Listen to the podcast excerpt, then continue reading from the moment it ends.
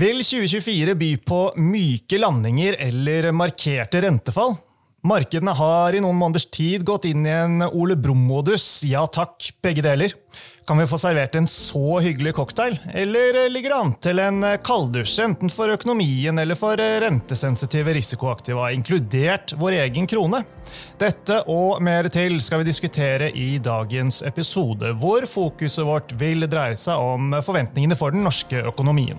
Makroanalytikerne i DNB Markets er nemlig ute med ferske anslag i halvårsrapporten Økonomiske utsikter.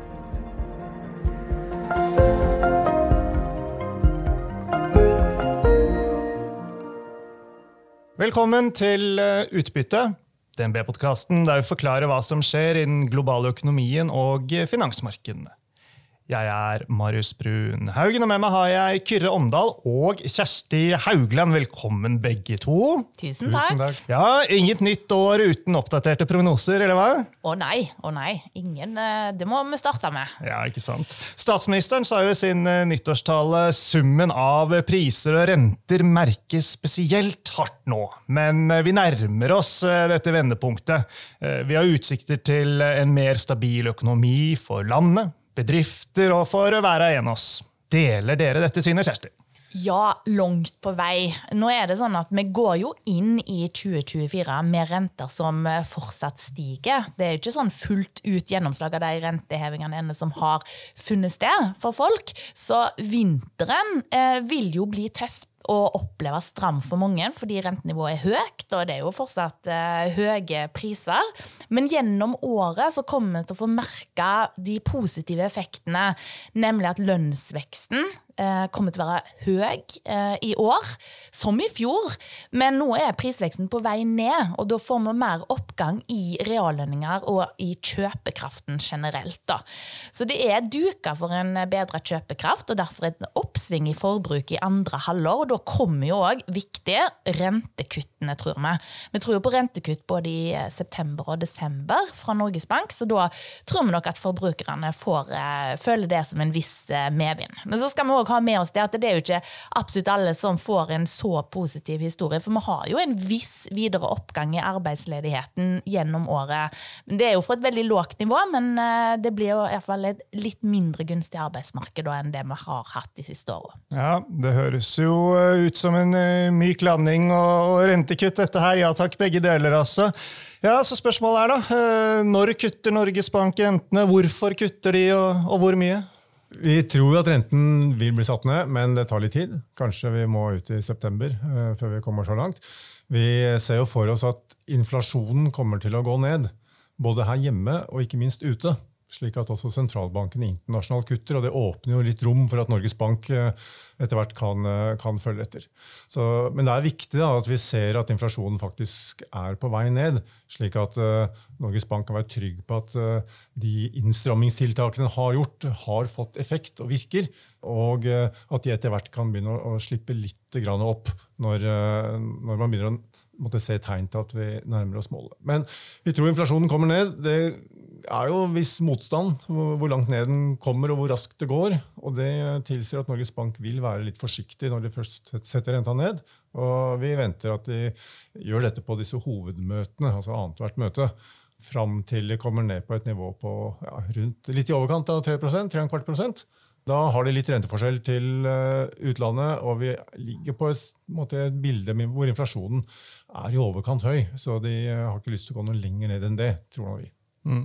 Hva med hensynet til uh, kronen? Er det også en uh, grunn eller medvirkende grunn til at de ikke kan være først ute og i de ivrigste til å kutte renten? Ja, den svekkelsen vi så av kronen i fjor, var jo viktig i forhold til noen av de renteøkningene vi hadde. Særlig økningen i, i juni, hvor de uh, hevet renta med, med, 50 basispunkter. Og også at den økningen som kom i, i, i desember, overraskende på mange, var jo veldig begrunnet nettopp i, svekkelsen av krona. Så, uh, og Svekkelsen av krona betyr også mye for, for prisveksten. så uh, De ønsker nok å ha en viss rentedifferanse til, til utlandet, og særlig til ECB. Eh, i forhold til eh, betydningen krona har. da.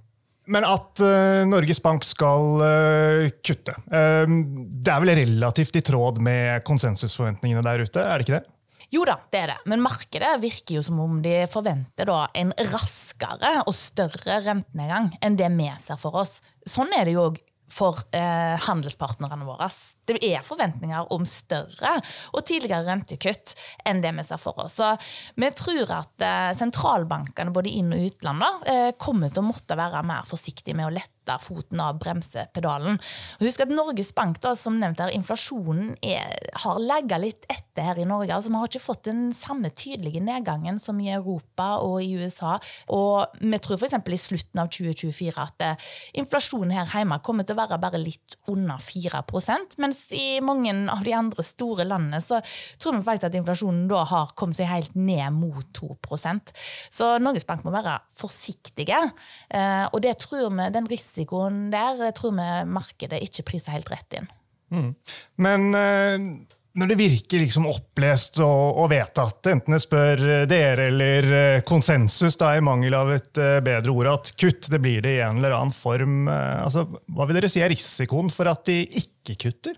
Ja, Det er definitivt risiko, både her hjemme og ute. Det er jo kjempeviktig for Norges Bank at det faktisk kommer kutt ute. Og hvis vi mot formodning skulle se at inflasjonsnedgangen stopper, ut, stopper opp der ute, og at en faktisk òg får et oppsving i f.eks. lønnsvekst og, og bare da faktisk inflasjon, ja, da står denne forventa rentenedgangen i fare, og da kan heller ikke Norges Bank kutte. Og her hjemme er det jo også sånn at vi kan jo få nye runder med markant svekkelse av krona, som vil tvinge Norges Bank til å steppe opp den rentedifferansen mot utlandet, som fortsatt nå er liten i forhold til det han pleide å være før pandemien, og at en da må gå høyere opp på renta, til tross for at det vil ramme norsk økonomi, og særlig forbrukerne, mer enn i andre land som har mer fastrentebindinger. Så vi har jo et alternativt scenario der vi ser for oss da, at krona svekker seg betydelig, sier euro norsk opp på 12,50. Norges Bank hever renta opp til 5% i stedet for 4,5 sånn som vi har nå. Mm. Eh, og det vil jo gi et svakere økonomisk forløp. Så det er ikke sånn at det er helt sikkert at rentene kuttes i 2024. Vi har tatt feil et par år nå eh, i eh, hvor, eh, hvor langt opp renten skulle ende opp med å bli, men vi mener at det er rimelig å tro at 2024 det blir rentekuttenes år. Mm. Altså I tillegg så kan det jo være at det skjer noe i lønnsoppgjørene. Det er jo ganske sterke forventninger der til solide tillegg. og Skulle det vise seg at lønnsveksten drar seg en god del til, så vil jo det gi prisimpulser i lang tid fremover. I tillegg til at eh, etterspørselen øker betydelig. Så det vil også være en faktor som Norges Bank legger mye vekt på, og kan forhindre rentekutt og kanskje gi renteoppgang i, i verste fall. Ja, ja. Men vi går tilbake til hovedscenarioet. Det var nettopp til lønnsoppgjøret jeg ville, da. Så kan vårens lønnsoppgjør bli et sånn skikkelig bikkjeslagsmål. Ja, I utgangspunktet kan det kanskje Arbeidsmarkedet er relativt uh, bra. Arbeidstakerne har gått glipp av reallønnsvekst uh, en, en, stund nå. Uh, og har hatt en, en, en motbølge med, med, med, økte renter. Så ser vi at bedriftene, i hvert fall i industrien, i gjennomsnitt har gjort det ganske bra. Lønnsomheten har økt, og, og det måtte tilsi at lønnskravene kanskje blir høye. Og så vet vi jo fra før at det er en del andre sektorer som mener at de har sakket litt akterut eller at det er behov for å løfte de eh, gruppene. Så det borger jo for at, at lønnsveksten kan bli høy. Dessuten så skal jo dette uh, forhandlede resultatet ut til uravstemning. Eh, så det er ikke slik at eh, ledelsen kan måtte, slå seg til ro med, med, litt eh, moderate anslag, hvis medlemmene ikke vil det. Mm. Det er jo flere av aktørene her som skal inn i forhandlinger som har gått ut ganske høyt på banen allerede. Ja, det er det. altså. Så Det kan jo fort skape litt bekymring. Men vi vet jo også at disse partene er ansvarlige. De forhandler, de legger vekt på langsiktig utvikling i lønnsomhet i bedriftene. Så når lønnsomheten har vært god, ja, så tyter det ut i høyere lønnsvekst, men det skjer gjerne over over litt uh, tid. Man vet at uh, kronen kan fort endre seg. Uh, det kan skje forhold i, i markedene som gjør at lønnsomheten snur veldig, og, og, dermed lønnsevnen, og at det ikke er rom for så høy lønnsvekst over tid. Så Normalt så, så vil vi tro at dette er effekter som slår ganske godt gjennom i, i oppgjøret. Og så vil Hvis vi får en lønnsramme da, på 5% og prisvekst på 4,2 så er det trekvart prosent reallønnsvekst. Mm, mm. Og Det er en måte et bedre utsikter enn det har vært i de tidligere oppgjørene, selv om man da ble overrasket over høyere prisvekst. Så vi tror at lønnsveksten holder seg høy, men et lite knepp lavere enn vi så i fjor. Mm. Men like fullt, prisveksten vil avta, sånn som dere ser det? Ja, Vi tror prisveksten er på vei eh, ned. Vi har jo sett eh, visse tendenser til, eh, til, det. Men det er et tydelig skifte i driverne for prisvekst. Så mens vi i 2022 og inn i 2023 hadde sterke drivere fra energipriser og fra importpriser, eller prisvekst internasjonalt, så har jo det bildet snudd. Energiprisene betyr ikke like mye lenger. og Prisene ute faller, men den nedgangen er dempet av at kronen har svekket seg. Men så ser vi at innenlandske kostnader nå begynner å øke. Og en del bedrifter som kanskje hadde vært litt forsiktige med å velte energikostnadene sine over i prisene, de har prøvd å ta igjen dette ved å øke marginene eh, gjennom eh, fjoråret. Så nå er det mer innenlandske drivere bak eh, prisveksten. og det, de avtar ikke så fort heller, så det tror vi bidrar til å holde prisveksten høyere oppe i Norge enn det vi ser i en del andre land. Mm. Og Hva med arbeidsmarkedet i dette scenarioet her, da? Der vi er i dag, så har jo folk eh, stort sett eh, jobb, og det er jo, det er jo positivt. Ja, Vi har hatt et, egentlig et veldig bra arbeidsmarked. Det har vært en ganske sterk vekst i sysselsettingen gjennom fjoråret. Eh, så det er bra. Vi ser Arbeidsledigheten har krøpet opp, men fra veldig lave nivåer. Og med en ledighet i øyeblikket på 1,9% så er det fortsatt et eh, lavt nivå på ledigheten. Og vi har et høyt nivå på antall ledige stillinger. Så mm. tror vi nok dette er i ferd med å svekke seg utover. Vi har en ganske sterk vekst i arbeidsstyrken. Blant Bl.a. fordi eh, befolkningsveksten er, er høy. Og fremover så vil det motvirke det at vi får måte, mer aktivitet i økonomien og mer eh, sysselsettingsvekst. Eh, slik at ledigheten kommer til å stige gjennom eh, dette året og inn i neste år, og så bli liggende på et litt høyere nivå enn vi har vært vant til akkurat i det siste. Mm. Litt sånn digresjon, men altså, er, det, er, det, lett å undervurdere at uh, alle som har høy gjeld, men klarer å betjene den, faktisk kan komme godt ut av dette her til syvende og sist på andre siden eh, pga. nettopp eh, inflasjonen, eller blir det en sånn for langsiktig øvelse til at man kan mene noe håndfast eh, om det? Det er jo sånn at hvis man sammenligner to situasjoner, med en med lav inflasjon og en med høy inflasjon, så vil jo ofte de med høy gjeld komme bedre ut over tid i situasjonen med høy eh, inflasjon. Mm. Men i overgangen fra en sånn lavinflasjonsregime til en periode med høy inflasjon, så, så, så strever man mer, for da får man den, den markante oppgangen i, i, i, rentekostnadene. Men det betyr jo noe over tid her at, eh, at gjeld i forhold til inntekt eh, går jo betydelig ned hvis man da ikke kompenserer ved å ta opp mer gjeld, som noen kanskje gjør. I forhold til uh, jobber og arbeidsplasser og sektorer som går bra og sektorer som sliter, så kommer vi jo ikke utenom boligbyggerne og eiendomsbransjen. kan kanskje også nevne deler av varehandelen i, samme åndetrekk. Men er det sånn at dere fortsatt ikke ser noen grunn til bekymring for negative ringvirkninger av konkurser og, og jobbtørke innen særlig eller kanskje den utsatte eiendomsnæringen? Det er et klart sprik i Eh, både det som har skjedd, eh, den økonomiske utviklingen i forskjellige sektorer, som du viser til i 2023, og det kommer til å fortsette å se i 2024. Altså en eh, fortsatt nedgang innenfor byggebransjen, som kommer til å føre til at det er der arbeidsledigheten vil fortsette å stige mest. Så det er klart at varehandelen framover òg kommer til antageligvis til å oppleve Når pilene snur oppover, da, så kommer det til å gagne varehandelen. Vi tror vi må se den nedturen varehandelen har vært gjennom nå, som et, eh, et resultat av den festen som en opplevde under pandemien, med uvanlig høy vareetterspørsel. Så når eh, samfunnet ble gjenåpna og folk etter hvert kjente det på kjøpekraften, så prioriterte folk eh, å opprettholde et høyt forbruk av tjenester, mens det var da vareforbruket det virkelig gikk utover. Og det har vi sett over hele verden, egentlig. Men framover er det grunn til å tro at eh, tjenesteforbruk og vareforbruk kommer til å opp, øh, gå litt mer i takt, altså svinge samme retning.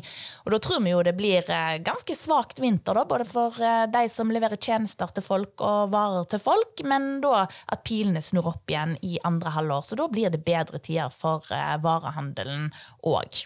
Mm. Så da er vi også på en måte på vei ut av det, bunnen av uh, bølgedalen, også for de uh, delene av uh, økonomien som har hatt de tøffeste utfordringene. Ja, men det tar mest tid, tror vi, for byggenæringen. Og der forventer vi først et oppsving mot slutten av dette året her.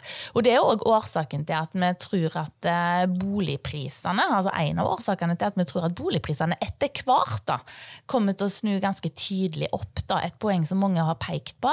Ei stram tilbudsside. Sant? Mm. Dårlig med bygging og høy innvandring. Ja, det vil presse prisene opp på sikt. Ja, Så er det liksom opplest og vedtatt at boligprisene skal skyte fart fra 2025? Ja, Det er jo ikke, ingenting opplest og vedtatt, Nei. og absolutt ikke når det gjelder eh, boligpriser. Men eh, det er mye som tyder på det. Sant? Rentene, Hvis vi får rett da, i at rentene skal ned, ikke betraktelig ned og tilbake til nivåene før pandemien, men ned fra de nivåene vi ser nå. Folk sin kjøpekraft er i bedring. Det har vært dårlig boligbygging over tid, eh, i kombinasjon med høy innvandring. Ja, da er det jo mye som tyder på at her skal prisene presses opp i åra framover. Ja. Ellers eh, en annen ting som vi har snakket litt om her i Utbyttepodkasten, og vi har tatt for oss utsiktene for 2024 i ulike former, er jo oljeprisen. Uh, og at uh, utfallsrommet der uh, kanskje er ekstra stort i år, når man prøver å se fremover. Så vet vi at den svinger voldsomt. Men det er klart, får vi et eller annet sjokk opp eller ned for oljeprisen, så vil jo det få konsekvenser også for norsk økonomi. Er det noe dere liksom mm. ser på? Er det mulig å hensynta i forhold til hvordan det vil kunne slå ut? Det har vi absolutt diskutert og drøfta, det er viktig for oss. Eh, men før i tida så var det jo òg veldig viktig, fordi vi, tenkte oss som så da eh, at får du en veldig høy oljepris, så blir det stor investeringsaktivitet på norsk sokkel, og vice versa. At ting går i bøtta hvis oljeprisen faller veldig mye. Nå er det jo sånn at den måten olje- og energiselskapene tar sine investeringsbeslutninger på, den er jo veldig prega av nettopp det synet på at eh, det er lange legg mellom investeringsbeslutning og når feltene står klare. Og det er en stor risiko knytta til hvor masse olje og gass som skal produseres lenger ut i tid, ikke minst knytta til det politiske bildet og, og, og den slags. Så, så, vi ser ikke en like direkte link nå mellom svingninger i oljeprisen da, og da investeringsaktiviteten og oljeimpulsen inn til norsk økonomi via aktivitetsnivået. Men der det er viktig, det er jo kronekursen. Fordi hvis vi da får f.eks. et kraftig fall i oljeprisen, så vil jo det alt annet like for vanligvis føre til ei betraktelig svakere krone. Og når inflasjonen fortsatt da er altfor høy i forhold til Norges Bank sin mål, og nedgangen skjer altfor tregt i forhold til det Norges Bank ønsker å oppnå, ja, da vil jo det øke risikoen for at rentene må økes mer enn det som ellers ville vært tilfellet. Men så har vi òg vice versa. Hvis du får et oppsving i oljeprisen, så kan det bidra til ei sterkere krone, som gjør det lettere for Norges Bank å kutte framover. Så, så, først og fremst så virker oljeprisen inn på norsk økonomi via sånn som man påvirker kronekursen i dagens situasjon. Mm. Ja, Kyrre, Hvis vi skal oppsummere eh, dette her, eh, hva blir hovedanslaget og forventningene til året vi har foran oss? Ja, Vi tror at vi får en eh, ganske myk og fin landing, egentlig. Vi hadde jo et år i fjor hvor det, det bremset ganske kraftig opp, med svak utvikling i fastlandsøkonomien det siste halvåret særlig. Men vi havner nok ut med en vekst allikevel på, på rundt 1 og når vi ser framover i inneværende år, så Eh, starter vi året eh, svakt, og så tar veksten seg opp etter hvert. Eh, og så kommer vi ut med noen årsanslag på, på i overkant av en halv prosent. Så, sånn sett så ser jo 2024 ut til å være det svakeste året, men, men det er jo i, måte, i overgangen mellom disse årene det er, det er, det er på det svakeste. Og så, så, regner vi med at året i år kommer til å vise mer oppsving og bedring eh, generelt. Likevel, når vi ser på arbeidsmarkedet, så er vi ikke like positive. Vi tror ledigheten fortsatt kommer til å stige, men vi altså ender vi ut med en ledighetsnivå på 2-3 kvart prosent. Og det er på linje med langsiktige gjennomsnitt. Så det er ikke slik at vi ser for oss et dårlig arbeidsmarked, men ikke like sterkt og stramt som det har vært en periode. Så i hovedsak så ser jo dette bildet egentlig ganske bra ut. Balansert uh, utvikling. Uh, det, det, føyer seg liksom, Ting ordner seg da, på et vis. Rentene er på vei ned, inflasjonen er på vei ned.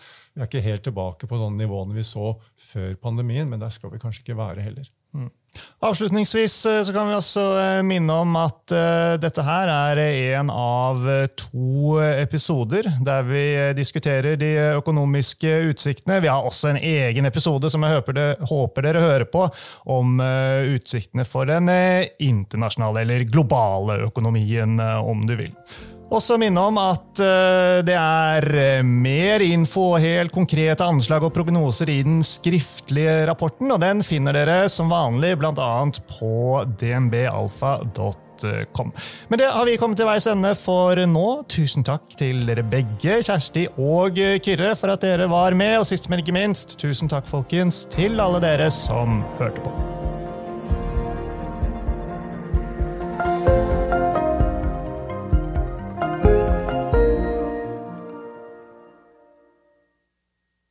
Denne sendingen ble publisert i podkasten Utbytte.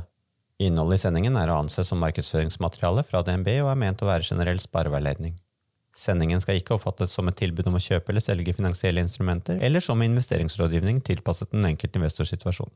En investor som har behov for råd eller har spørsmål om informasjon som gis, bør kontakte en finansrådgiver. DNB påtar seg ikke noe ansvar verken for direkte eller indirekte tap som følge av innholdet i sendingen legges til grunn for eventuelle investeringsbeslutninger. Husk at historisk avkastning aldri er noe garanti for fremtidig avkastning. Avkastningen kan bli negativ som følge av kurstap. Bruk av prognoser for å beregne fremtidig avkastning er heller ingen garanti for fremtidig avkastning.